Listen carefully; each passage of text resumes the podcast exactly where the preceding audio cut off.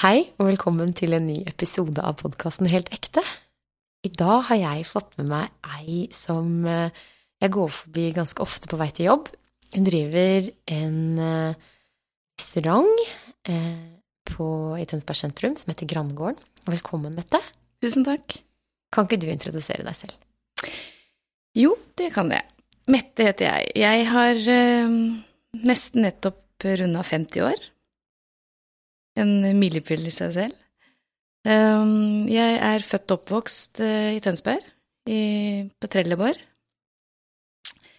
Med en skokk med gode venner og stor familie rundt meg. Um, og da gikk jeg også på skolen. Uh, Trelleborg, som jeg gikk i barneskolen. Og videre på Byskogen, på ungdomsskolen. Og etter hvert så blei det Horten på idrettslinja alltid vært glad i idrett. I litt ymse slag, egentlig. Og så var det jo dette her med hva man skal gjøre etterpå, og jeg var veldig fast bestemt på at jeg ville inn i Forsvaret. Søstera mi hadde vært der. Eh, jeg var 16 år, tror jeg. Jeg mener jeg var 16 år rundt der. Og jeg skulle besøke Anne eh, på Rygge, eh, hovedflystasjon, og jeg så hvordan hele den verden der var, det tiltalte meg, altså. Så det var liksom Den hadde jeg satt. Uh, og så dro jeg til Forsvaret, i Luftforsvaret, og var uh, Gikk først befalsskole, og så dro jeg videre til Bosnia under krigen der. Så jeg har liksom hatt, uh, hatt den Jeg har hatt uniform på meg i noen år, og hatt utrolig hva skal jeg si, innholdsrike og berikende år uh, der, som har forma meg mye som menneske. Det er noe man har med seg, som blir en del av det. Um, så etter uh, de åra der, så begynte jeg å studere i Oslo. Gikk på Handelshøyskolen Nei, det gjorde jeg ikke, for det var søstera mi som gjorde det. jeg gikk NMH, yeah. som var en del av BI-stiftelsen. Eh, for jeg hadde jo også vært og besøkt søstera mi når hun studerte i Bergen. Det er storesøster som har forma veien din. Ja, det er storesøster som har det. Mm. Som har bana mye vei, eh, og jeg er veldig takknemlig for det. Mm. Selv om vi er veldig ulike, så har vi jo liksom veldig mye likt Mhm. likevel, da. Så når jeg var og besøkte henne på Handelshøyskolen i Bergen, og Mm. satt der på forelesningssalen, da gikk jeg på videregående, tenkte jeg hva er det her? Dette var jo fantastisk spennende, skjønte ikke noen ting av hva foreleseren sa, eller Men jeg bare kjente at jeg likte atmosfæren, energien, alt som bevegde seg rundt. Jeg tenkte jeg skal i hvert fall studere òg. Ja, så, det- så da blei det studier eh, i Oslo. Og videre jobba i næringslivet, mye med IT. Ja, mye IT, egentlig. Eh, bodde i Oslo i mange år. Og så plutselig Jeg hadde egentlig alt på stell, da. Jeg Hadde fin jobb, fin leilighet. Hadde riktignok avslutta et kjærlighetsforhold, men jeg hadde liksom funnet veien tilbake til det deilige, fine livet. Mhm. Men så fikk jeg en sånn derre plutselig over meg når jeg bodde i Oslo, at oi, jeg kjenner litt på ensomhet. Og når du kjenner på den, det skal du ikke kimse av, for den er vond og skummel og dyp. Så da er jeg heldigvis en person som handler raskt. Så egentlig spurte jeg meg sjøl hva kan grunnen være til det, for du har jo egentlig alt rundt det. Men det er ikke alltid man kan kanskje sette ord på det heller. Det er bare en følelse en får. Men jeg tror rett og slett jeg lengta hjem, jeg. Skulle hjem tilbake til familie, venner her i Tønsberg. Mhm. Og da sa jeg opp en flott jobb i Telenor, solgte leiligheten min på Frogner og satte kursen hjemover. Uten å ha verken et sted å bo eller jobb eller noen ting. Men eh, ting har en tendens til å ordne seg. Så, og jeg, jo ikke, jeg har jo ikke noen egne barn. Så at du, du har jo ikke mange andre å ta hensyn til, da. Så da står du litt eh, fritt på det. Hvor gammel var du da? Da var jeg Det var jo i 2005. Mm. Ja. Og nå er jeg 50. Hvor gammel var jeg da? 5, 4, 30? Nei. Ja. Noe rundt der. Litt tyngre. Mm. Mm. Nei da, da så blei det å finne seg et sted å bo og finne seg litt jobb og sånt, og det gjorde jeg jo litt fram og tilbake i starten, fant ikke helt hva jeg hadde lyst til. Men så, etter hvert så fant jeg en veldig spennende jobb i, Color Line, og så blei det Der var jeg i fire og et halvt år, men så er det jo sånn, da, med omstillinger og ting endrer seg, så da flytta den markedsavdelingen til Kristiansand, og da blei det litt langt å pendle. Så det var vel en måte å få meg ut på. Men da jeg møtte deg, det var Ja. på Lady Circle, eh, som jeg fortsatt er med i, og Mhm. da var jeg ganske ny. Og da var du en sånn sånn, Du er jo en energibom når jeg går forbi deg. Du er alltid blid, alltid på, og det er jo så gøy å se den energien. Og da, hadde, da jobba du som senterleder på Eller nei, ikke, ikke leder, men du hadde utvikla noen sentre? Du, der var jeg ansatt som vikar Ja. i markedsavdelingen ja. på, i, på sentrumskontoret. Og da husker jeg du i hvert fall drømte om å starte opp din egen restaurant den gangen. Eller, og du så så mange muligheter, og du så i mitt hode i hvert fall ingen begrensninger. det var bare muligheter. Mhm. Og etter det så tok det vel noen år før du da fant eh, det som nå er din lille baby, eller hva du kaller det. Jeg tenker jo det at vi har jo alle våre drømmer, Mhm. og den drømmen tar litt eh, form etter hvert. Og man finner jo ikke alltid man finner riktig tid og sted. Kanskje det er omstendighetene rundt som gjør også at du får mulighet, da. Mm. I at man plutselig ikke har jobb, Mm. så har man da plutselig muligheten til å tenke noe nytt. Mm. Og det er helt riktig, når jeg jobba på Farmastredet, Mm. det het den gangen, så, så fikk jeg veldig mye inspirasjon fordi det var så mange ulike bedrifter og butikker, og det var så mye forskjellig folk drev med. Mm. Og jeg er så nysgjerrig på folk og hva folk gjør. Jeg spør jo og prater, ikke sant, og det er, det er veldig givende. Og da får man plutselig sånn åh, jeg har også lyst til å starte noe og skape noe selv. Jeg hadde ikke definert helt hvilken bransje, men, eh, og det ble litt tilfeldig egentlig at det var restaurant, men eh, det, det tror jeg det er veldig mange, mange andre plan òg, egentlig, tilfeldig hvor du liksom havner, da. Og det er ikke nødvendigvis det viktigste det, det er jo viktig den veien dit, da. Og hvorfor, og drivkraften. Og jeg tenker når du da var i militæret, og så bare det nysgjerrige blikket, da, og det å egentlig, uansett hva storesøsteren din hadde gjort, så hadde du sikkert hatt de samme nysgjerrige og gode inntrykkene og sett litt opp til det hun gjorde uansett. Mhm. Og det at man bare gjør ting. Og Mm. kanskje ikke det er alle er så, Jeg føler ungdom er så redd for å ikke triffe riktig. Mhm. De føler at dette er det valget jeg må ta. Mm. Dette valget skal definere meg for resten av mitt liv. Mm. Mens kanskje det handler bare om å gjøre noe. Mhm. Og bare kaste seg uti det og, og gjøre noe. Og på uansett eh, hva det er, så vil man møte mennesker som inspirerer. Ting som man lærer av. Kanskje feil man gjør som man lærer av. Mm. Og det å se hva som gir mestring, se hva som er dine kvaliteter som du kan ta med deg videre. Mm. Og sånn som i alle ting man gjør, og det å være en menneskeperson, da, det å være glad i mennesker, det virker jo som kanskje det er det som gjør dagene dine nå, eller hvordan er det? Å, absolutt. Ja. Eh, det Jeg tror kanskje det er det vært det morsomste og mest eh, Hva skal jeg si givende jeg har gjort i yrkeskarrieren min. Eh, Det å starte noe, eh, det å kunne gi noe til andre, det å skape arbeidsplasser og se at de vokser i sin rolle, det er, det er en gave, rett og slett. Mm. Det er kjempegøy. Ja. Og det å få gjester inn dørene hver dag, se de går fornøyd ut, og bli kjent med de, fordi lokasjonen der jeg driver, da, de gjør at jeg får mye faste gjester. Mm. Jeg blir så glad i dem. de blir jo familien din, ikke sant? Eh, Og når man eier selv også, så, så blir det jo at de kommer hjem til det. Det blir så Mhm. personlig alt sammen. Men det er, det er så givende. Og, jeg, og jeg, det som du sa litt, det med at det er vanskelig å ta valg, og man tenker at det skal bli for bestandig. Jeg tror også det handler om den livets skole òg, da, ikke sant. At når man er ung, så har man jo ikke den referansen referansene og de, den erfaringa man får når man blir eldre. Så jeg tror liksom det er bare en sånn skole man må gå, da. At man er litt usikker i starten, men så opplever man ja, men det var ikke så skummelt, da kan jeg kanskje tørre å gjøre det. Jeg tror liksom det er litt av livet, kanskje.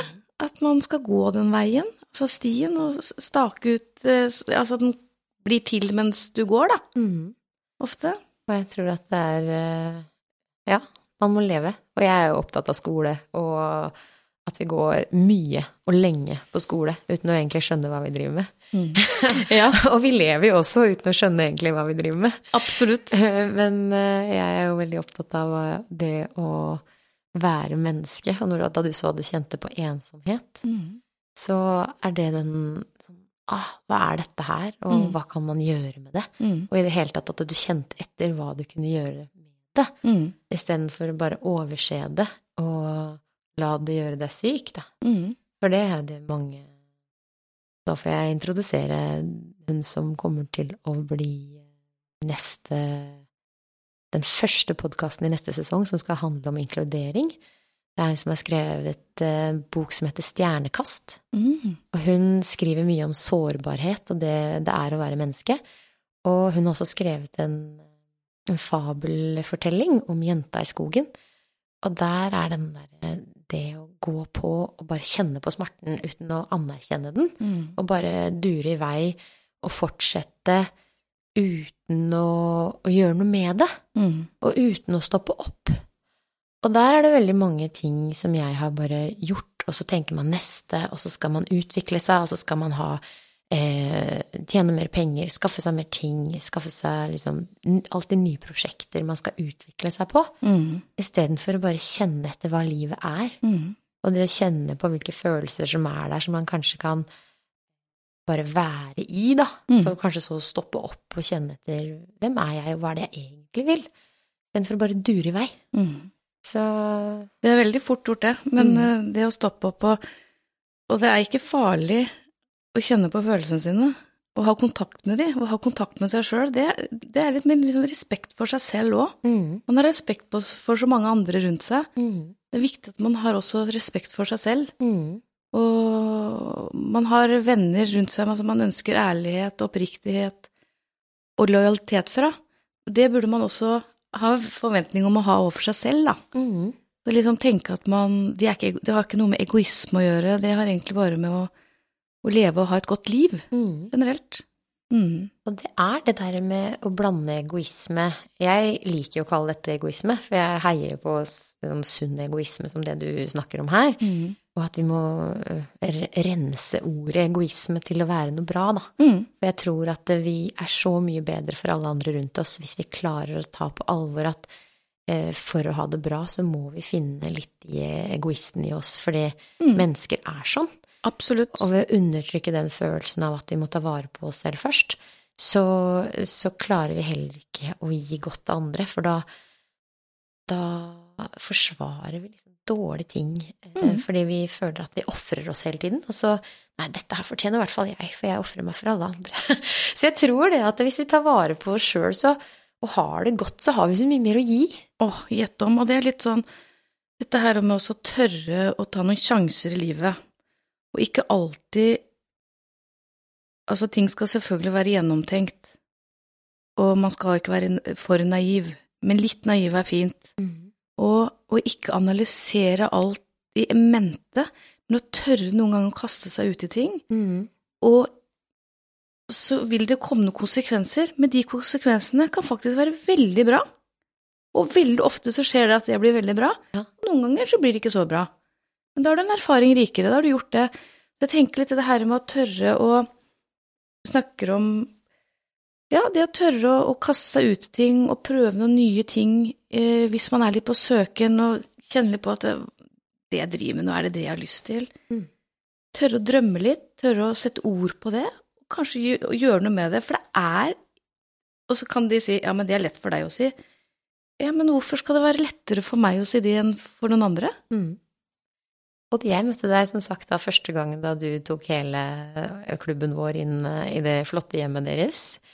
Og jeg husker eh, du fortalte meg i stad også at det, alle skulle legge fra seg mammapraten på utsiden, og så skulle vi gå inn og hygge oss og være den vi var. Og du hadde litt sånn mer sånn tanker om hva denne klubben skulle være, hadde jeg inntrykk av, enn det den egentlig var den gangen. Så, så det var den eneste gangen jeg fikk møtt deg den gangen. Men så møttes vi igjen eh, for noen år siden på en annen fest. Og da fortalte du meg om åpningen av den restauranten du driver nå. Mm. Og, og da når jeg nevner det flotte huset deres, så er det fordi mannen din har uh, god råd, da. Mye uh, Et godt, trygt nettverk som man kanskje tenker at ja, det er lett for deg. Igjen, ikke sant. Det er lett for deg fordi han har penger. Mm. Men jeg husker du sa at ja, men det her handler ikke om han. Det er ikke sånn at jeg går med at tallene at jeg bare har en sånn derre drøsser inn penger fra, fra hans konto inn i mitt prosjekt. Her er det jeg som har starta noe, her er det jeg som passer på tallene. Dette er min jobb, min, mitt prosjekt. Og da tenker jeg igjen at det, det, er du som skal gå med grønne tall. Det er ikke noe sånn at du bare har en velferdskonto som å støtte seg på. Og det tenker jeg at det der med, med penger Det kan kanskje være trygt med, med kontakter og, og, og noen som kan At du har kanskje et nettverk som, som, man kan lene seg litt på. Jeg vet ikke hva du har, men, men, jeg tror at det handler om å bare tror på og tørre og så stå i det. Mm. Men hvordan, hvordan, var det da du starta opp? For det første så har jeg jo en utdannelse, mm. ikke sant, som jeg har tatt i bruk i stor grad med å lage en, et konsept, en forretningsplan, og liksom gjøre ting skikkelig, ordentlig fra bunnen av. Mm. Ikke sant? Som jeg eide. Som var mitt. Og, og jeg hadde fått uh, sluttpakke i Color Line, så jeg hadde startkapital, ikke sant. Da tenkte jeg da satset jeg de pengene på det. Mm. Uh, og så er jeg jo fra Tønsberg sjøl òg, ikke sant, sånn at jeg hadde jo mitt nettverk, og jeg er jo forholdsvis utadvendt og, og, glad i mennesker, sånn at heldigvis så hadde jeg jo det uh, sjøl òg. Det er klart at når du har en partner og kjæreste som uh, også har det, så hjelper det. Og det også hadde jeg med i betraktninga, og det er ikke feil. Man skal jo benytte seg av de mulighetene som ligger der. Mm. Det bør man jo. Mm. Og man bør se etter muligheter. For det fins veldig mange av de, for de aller fleste. Man bare tør å leite litt og definere det og tørre å bruke det, da. Der også det, har vi litt å gå på. Mm. Det å tørre å ta i bruk de mulighetene som ligger der, uten at det skal virke pompøst, utnyttelse, eh, egoistisk, eh, brautende Det er så mange sånne negative ord som kommer inn her nå. Bare skyv bort det, og bruk de mulighetene som byr seg. Mm. For det gjør det. Tør å snakke om hva du drømmer om, Ja. og tør å snakke om liksom, visjonen. Dette her har jeg skikkelig lyst til å få til. Uh, og som du sier, da, feie bort alle de ordene som kommer Absolutt. Og jeg fikk jo mye Skal du starte Først var det jo en kafé. Skal du starte for deg sjøl? Er du liksom helt vill? Ja, det er jeg. Jeg er det, jeg. Jeg er litt Pippi. Dette her har jeg ikke gjort før. Det skal jeg få til. Mm. Fordi hvorfor skal ikke jeg det? Mm. Når andre gjør det? Og jeg tenker igjen med det der å, å lage noe personlig. Mm. Eh, siden jeg er så opptatt av psykisk helse, så tror jeg det er det som forsvinner fra samfunnet vårt. Det er så mange som går inn i internettet, og det er så mange som starter opp digitale ting, og man får alt til og med i matbutikken, så kan man gå i kassa, ikke sant. Så det å ha relasjoner, eh, og det å ha noen å, å møte, Mm. og det å være en sånn kafé på hjørnet Mm. Jeg husker jeg studerte i Tsjekkia, og noen ganger da så sa jeg ikke så, så prata jeg ikke med noen som jeg kjente i løpet av en dag. Mm. Men jeg husker de møtene på den kafeen der vi da hadde som en sånn uh, stamsted. Mm. Og det bare kjenne tilhørigheten i det å bare være der, og det bare ha noen å si hei til i løpet av en dag, hvor viktig det var. Sånn at det er sånn derre og, Mm. og jeg husker også når jeg flytta til Tønsberg, så hadde jeg jo ikke noe nettverk, men bare det å begynne å kjenne igjen folk på vei til jobb som jeg liksom nesten har på hils med. Ja. jeg synes det er så eh, jeg, jeg tror mennesker trenger mennesker, eh, uansett hvilken relasjon eller uansett hvilken form, så det er så fint å ha det personlige. Og det, det er helt, jeg er helt enig med deg, og det er vi, vi må ikke miste det. Nei. Vi trenger å se hverandre, møte hverandres blikk, Mm, se ansiktsuttrykket, mm, kanskje ta på, mm. lukte på. Altså, vi trenger, den, vi trenger det nærværet. Ja. Det holder ikke bare med å være digital. Nei. Og det var jo et veldig Det fikk vi jo veldig erfare under den tida vi har vært i, ikke Mm. sant? De to åra som var så annerledes for alle. Mm. Um, da kjente nok veldig mange på og fikk en aha-opplevelse rundt dette her med nærvær med mennesker. Mm. Jeg tror det. Mm. Og det ga oss litt sånn støkk på at oi, vi trenger det. Hvordan var det for deg å drive da, da? For da, det stoppa vel kanskje helt opp? Ja, det stoppa jo opp eh, for hele Norge mm. i perioder, Mm. eh, så jeg måtte jo holde stengt når landet var stengt ned, Mm. men åpna dørene så fort vi fikk mulighet. Mm. Selv om det var énmeteren og alt det her, så gjorde jeg det. For det vi så, var jo nettopp dette her med det å kunne ta en pause fra hjemmekontoret sitt og komme ut og spise en lunsj. Mm. De følte det var trygt og godt. eh, Det å bare se mennesker, ikke nødvendigvis prate så mye, men bare se mennesker. Mm. Og at vi prata med dem, ikke sant. Det, det var eh, Det var en veldig annerledes, men også en veldig fin tid å jobbe under, Mm. faktisk. Det var litt Plutselig så var gjestene enda nærere. Mm. De hadde behov for å prate om, ikke sant, Mm. litt i nære ting. Mm. Så det var en, det var en, en rar, skummel, stressende, men også en veldig fin tid. Og Faktisk. etterpå, hvordan var det med at folk kom tilbake igjen? Kjente dere på at det var litt sånn trått at det, massene uteble, eller ble det mer igjen? Åh, vet du hva, folk var så takknemlige for å kunne leve igjen. Ja, Det var så mye som skulle bli tatt igjen. ja. Av sosialt, eh, ikke sant? Så, så det, det har bare vært en fantastisk positiv reise. Det at du ikke har barn, og Mm. det at du tør å drømme og er litt pippi, eh, tenker du Jeg har to barn nå, da, Og du har som er barn. to bonusbarn. Ja. Og det er veldig viktig med Markus og Sara, de er liksom ja. litt mine òg. Det er litt dine òg.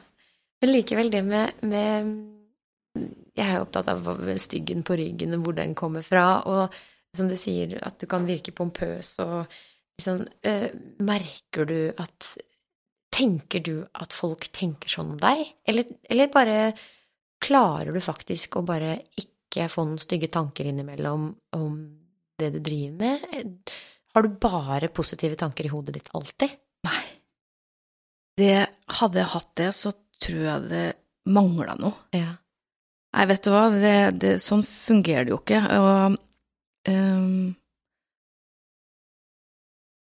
Hodet er skrudd sammen på en finurlig måte. Vi, vi kan ha, jeg kan ha veldig positiv periode, og så plutselig kan jeg tenke at åh, hva er det jeg driver med, er dette her betydningsfullt, blir jeg gjort noe annet, ikke sant, alle sånne ting, og det, det, det er helt naturlig. Men de valga jeg har tatt, den store linja av valgene jeg har tatt i livet, har jeg tatt med veldig sånn bevissthet. Mm. Og eh, vært veldig Jeg, veldig, liksom, jeg lever så godt med det. Mm. det. Det har jeg lyst til å si at det gjør jeg. Men selvfølgelig så er det jo tunge og vanskelige stunder som, eh, som det er for alle. Så klart. Og jeg åpner jo opp med dette med sårbarhet og fortelle om at vi har eh, alle vanskelige perioder. Og jeg tenker det der med så lenge vi slipper å skjule det, men også prate om det, og da ser jeg at eh, vi kan heie på hverandre litt, for kanskje når vi er litt nedpå og har litt rasig, så er det kanskje greit å ha noen som ser deg i det. Og jeg tror jo igjen den derre følelsen av at folk eh, snakker deg ned, snakker disse dårlige orda som pompøs, eh, arrogant, de kjipe orda som man kanskje ikke har lyst til å ha på, på seg, at de kommer jo fra et sted.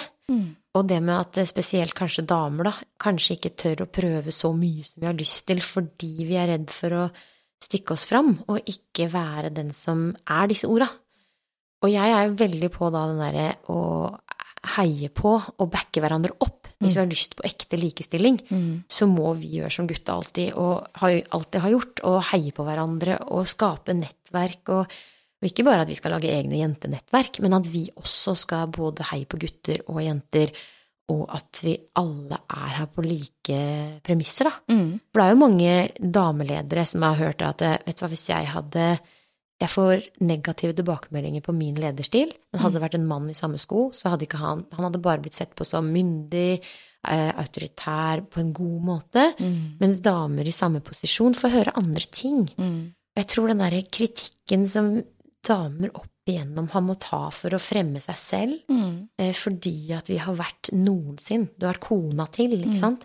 at det har vært måten i mange generasjoner bakover, så er det er damenes posisjon å heve seg sjøl i forhold til alle andre ved å snakke om. Mm. Men nå som vi også jobber, og vi er ansvarlig for vår egen karriere og eget liv, Mm. så trenger vi jo ikke det lenger. Vi trenger bare å, å, finne folk å samarbeide med og heie på og snakke hverandre fram. Mm.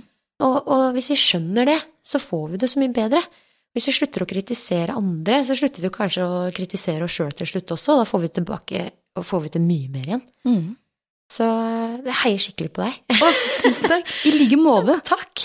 Og jeg ser jo at du har utvida òg siden du starta opp, var det ikke det? Jo. Mm. Jeg har et, eh, fått et chambre separé hvor man kan ha møter og, og tilsetninger også. det, det er veldig gøy. Mm. Ja, og jeg elsker folka mine, og jeg elsker å kunne få lov å holde på med det jeg gjør, og det er eh, Det må jeg bare si, altså. Det er så gøy å starte opp noe og se noe som vokser og gror, mm. og så er det samtidig beintøft.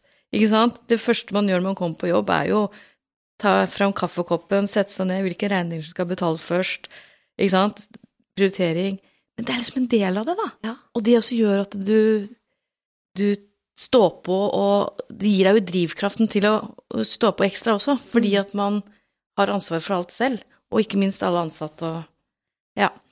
Nei, veldig gøy. Og når vi snakker, om, vi snakker om det å være kona til, så er det Mm. sånn at man kunne jo bare ikke jobba. Ja, ja. Og, og det å faktisk eh, ha, være et sted der man har nok penger, men så er det kanskje ikke det som betyr noe, men det er kanskje det å skape noe, det å eie noe, det å drive noe, det å skape arbeidsplasser, Mm. og, og det at selv om det er liksom trangt du må jobbe masse, så bare er det verdt det. Mm. Hva er det som gjør at det er verdt det? Nei, men for det første så er ikke jeg sammen med mannen min fordi at han har penger. De, de betyr jo ikke noe for meg. Altså, at han har skapt noe fra start, det er jo står så respekt for. Jeg har kjemperespekt for mannen min for det han har gjort. Men det har jo ikke noe med meg å gjøre. Jeg er meg. Han er han. Mm, Ikke sant? Jeg må ha, jeg må jo skape mitt liv mm, og min karriere, og jeg er kjempeopptatt av mitt liv og min karriere. mm, Fordi det er, en stor del av deg. mm.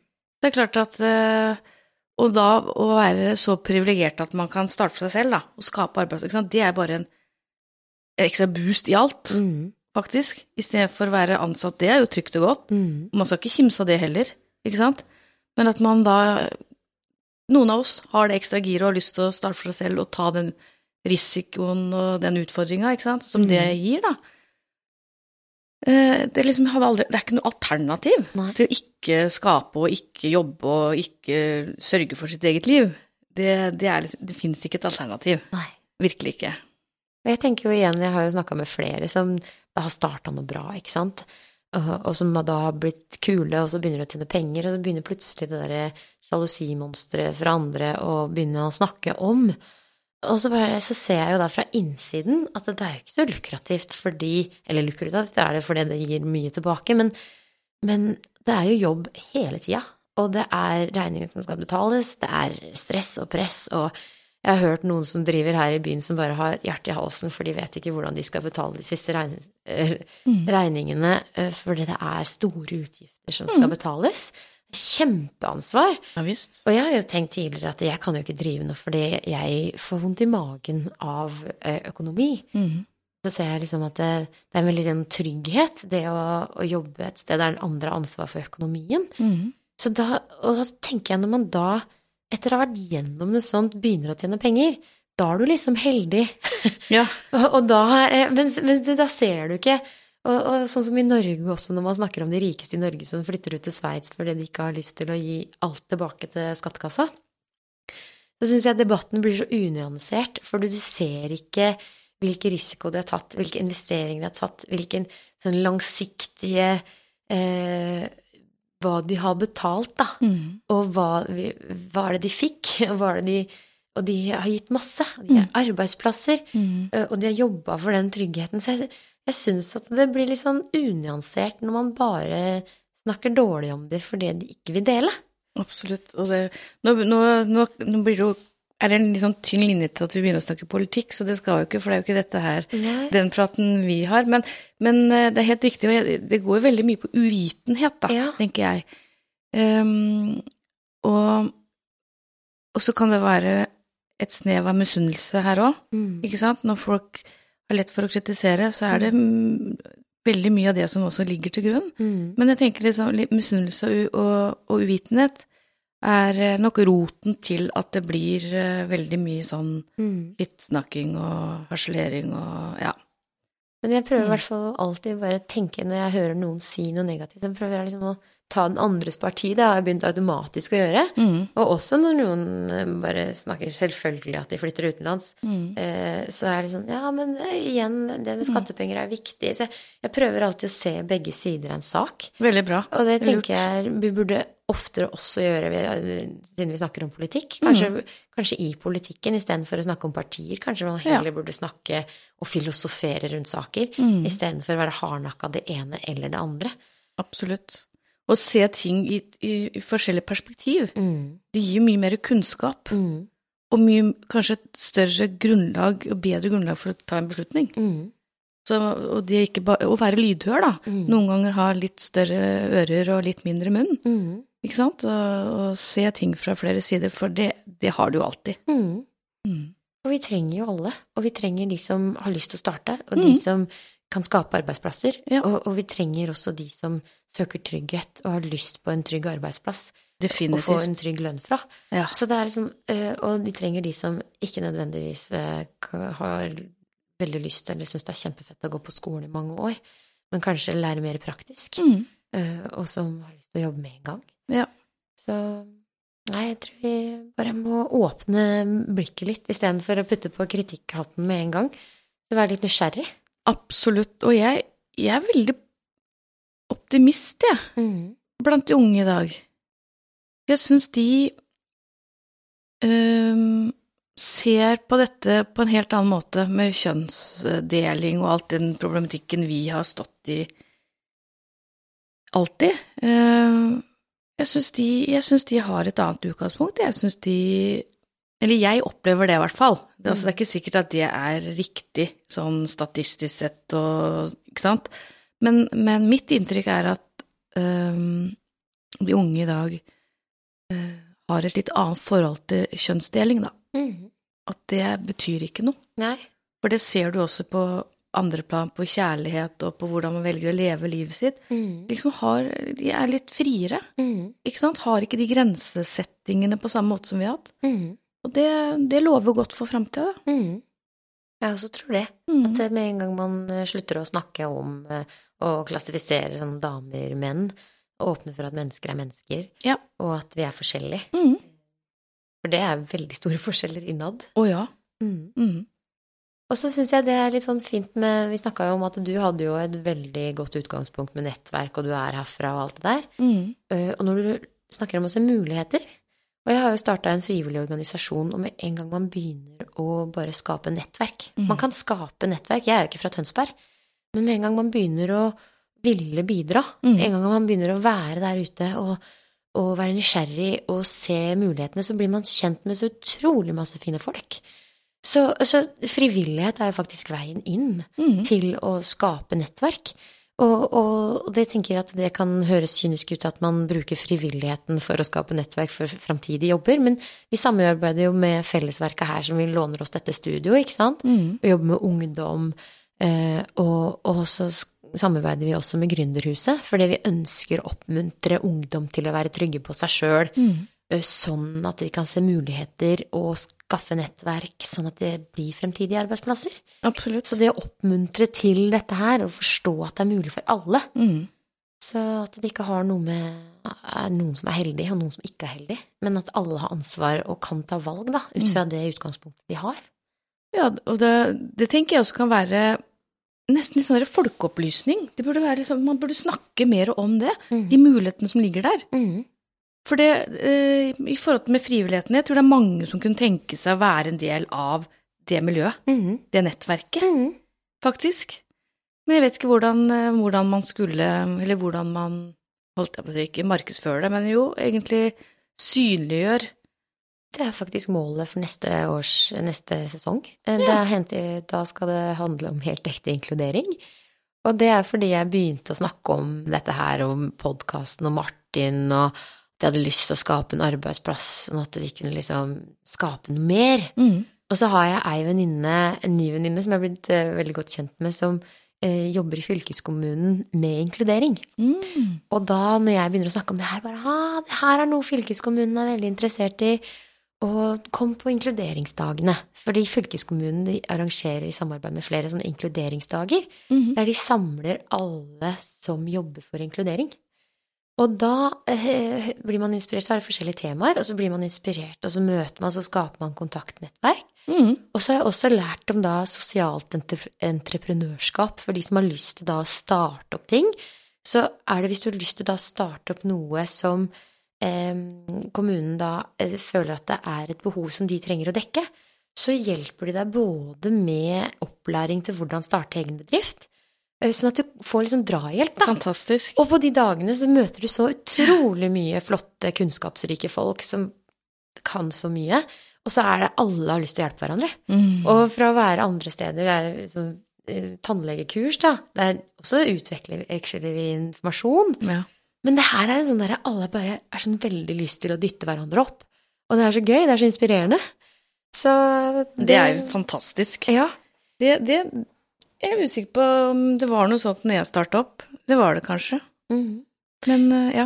Så, så der eh, altså Da var det en som etterlyste hvem er det som, hvordan kan vi få vite om andre som er frivillige og jobber for det samme. Og da tenkte Ja. jeg men da kan det være et av midlene som jeg kan bidra med. da. Kanskje litt informasjon om hvem som driver med frivillighet i området her. Sånn at vi da kan se hva er mulighetene, hvem er det jeg kan samarbeide med, hvem er det som gjør spennende ting innenfor det samme feltet som jeg gjør. Så da, ja, jeg gleder meg skikkelig til å lære mer òg, for jeg har jo bare begynt å grafse i overflaten.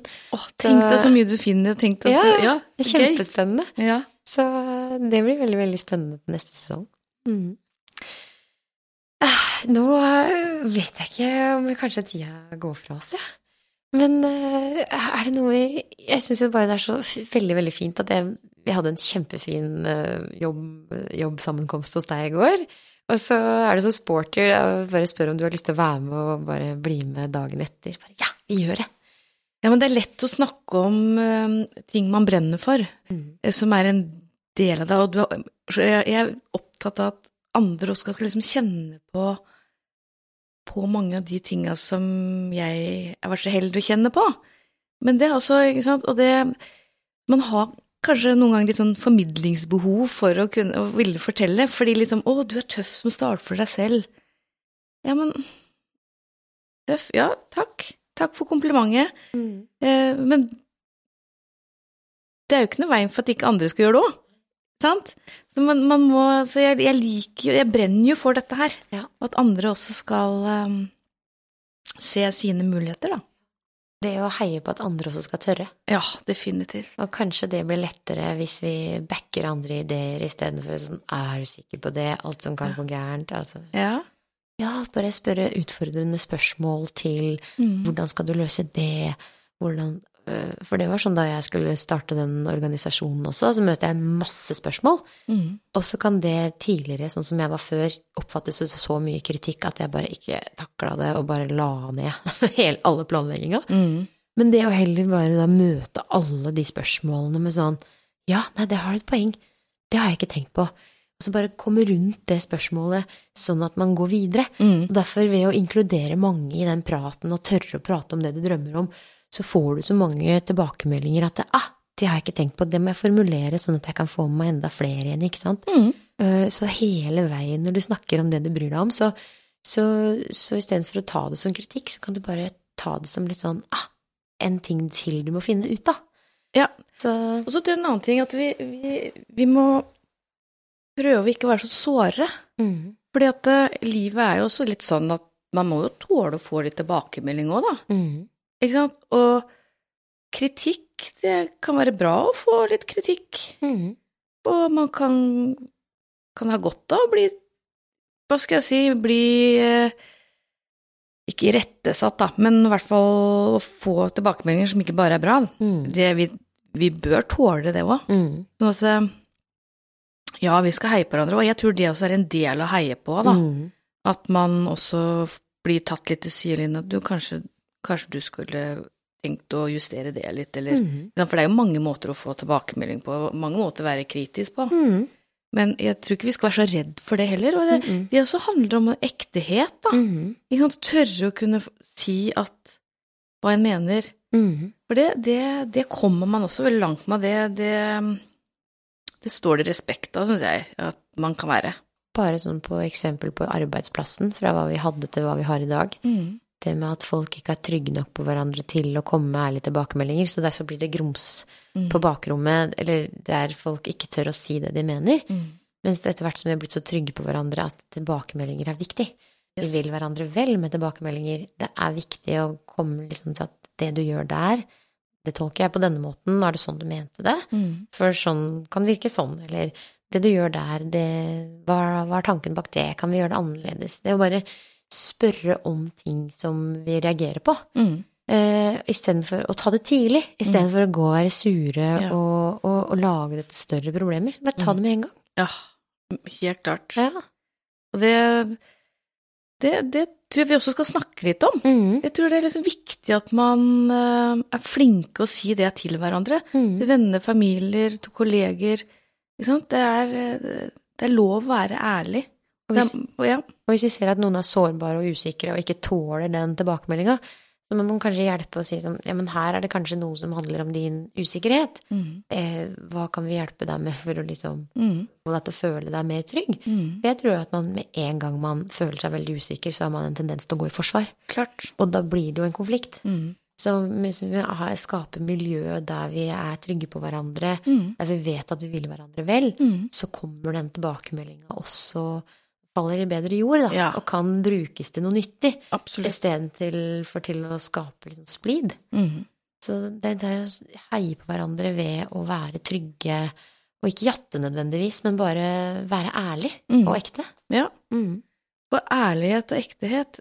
Vær den du er, og vær det fullt og helt. Mm. Og vi skal ikke være like. Uh, vi, vi, vi trenger mangfoldet, og vi skal og vi skal ha respekt for hverandre for at vi mener forskjellige ting, og selv om du har en kritisk eh, forståelse av hva jeg står for på en sak, så er det likevel at jeg vil stå for det, Mm. og du skal ha respekt for det. Men ikke sant, at man øh, ja, har en åpen Tørre å ha åpne dialoger om det som ikke står seg så bra ute òg. Mm. Ja. Mm. Tror det. Ja. Så det her, det med å, å være dame og tro på det man gjør, og det å være ekte, det, det er så gøy at du kunne være med på så kort varsel. Og det tar oss eh, videre til eh, neste episode, som skal handle om litt av det samme. Det der med jentefellesskap og hvordan vi kan heie på hverandre. Eh, litt også med hvem vi er fra vi er små, og roller, og, og hvordan vi blir trygge nok til å tørre å, å bli den vi egentlig er ment for å være. Eh, Så da skal jeg få besøk av to gjester. Som er en som heter Emma, eh, som er hotelldirektør på Engø.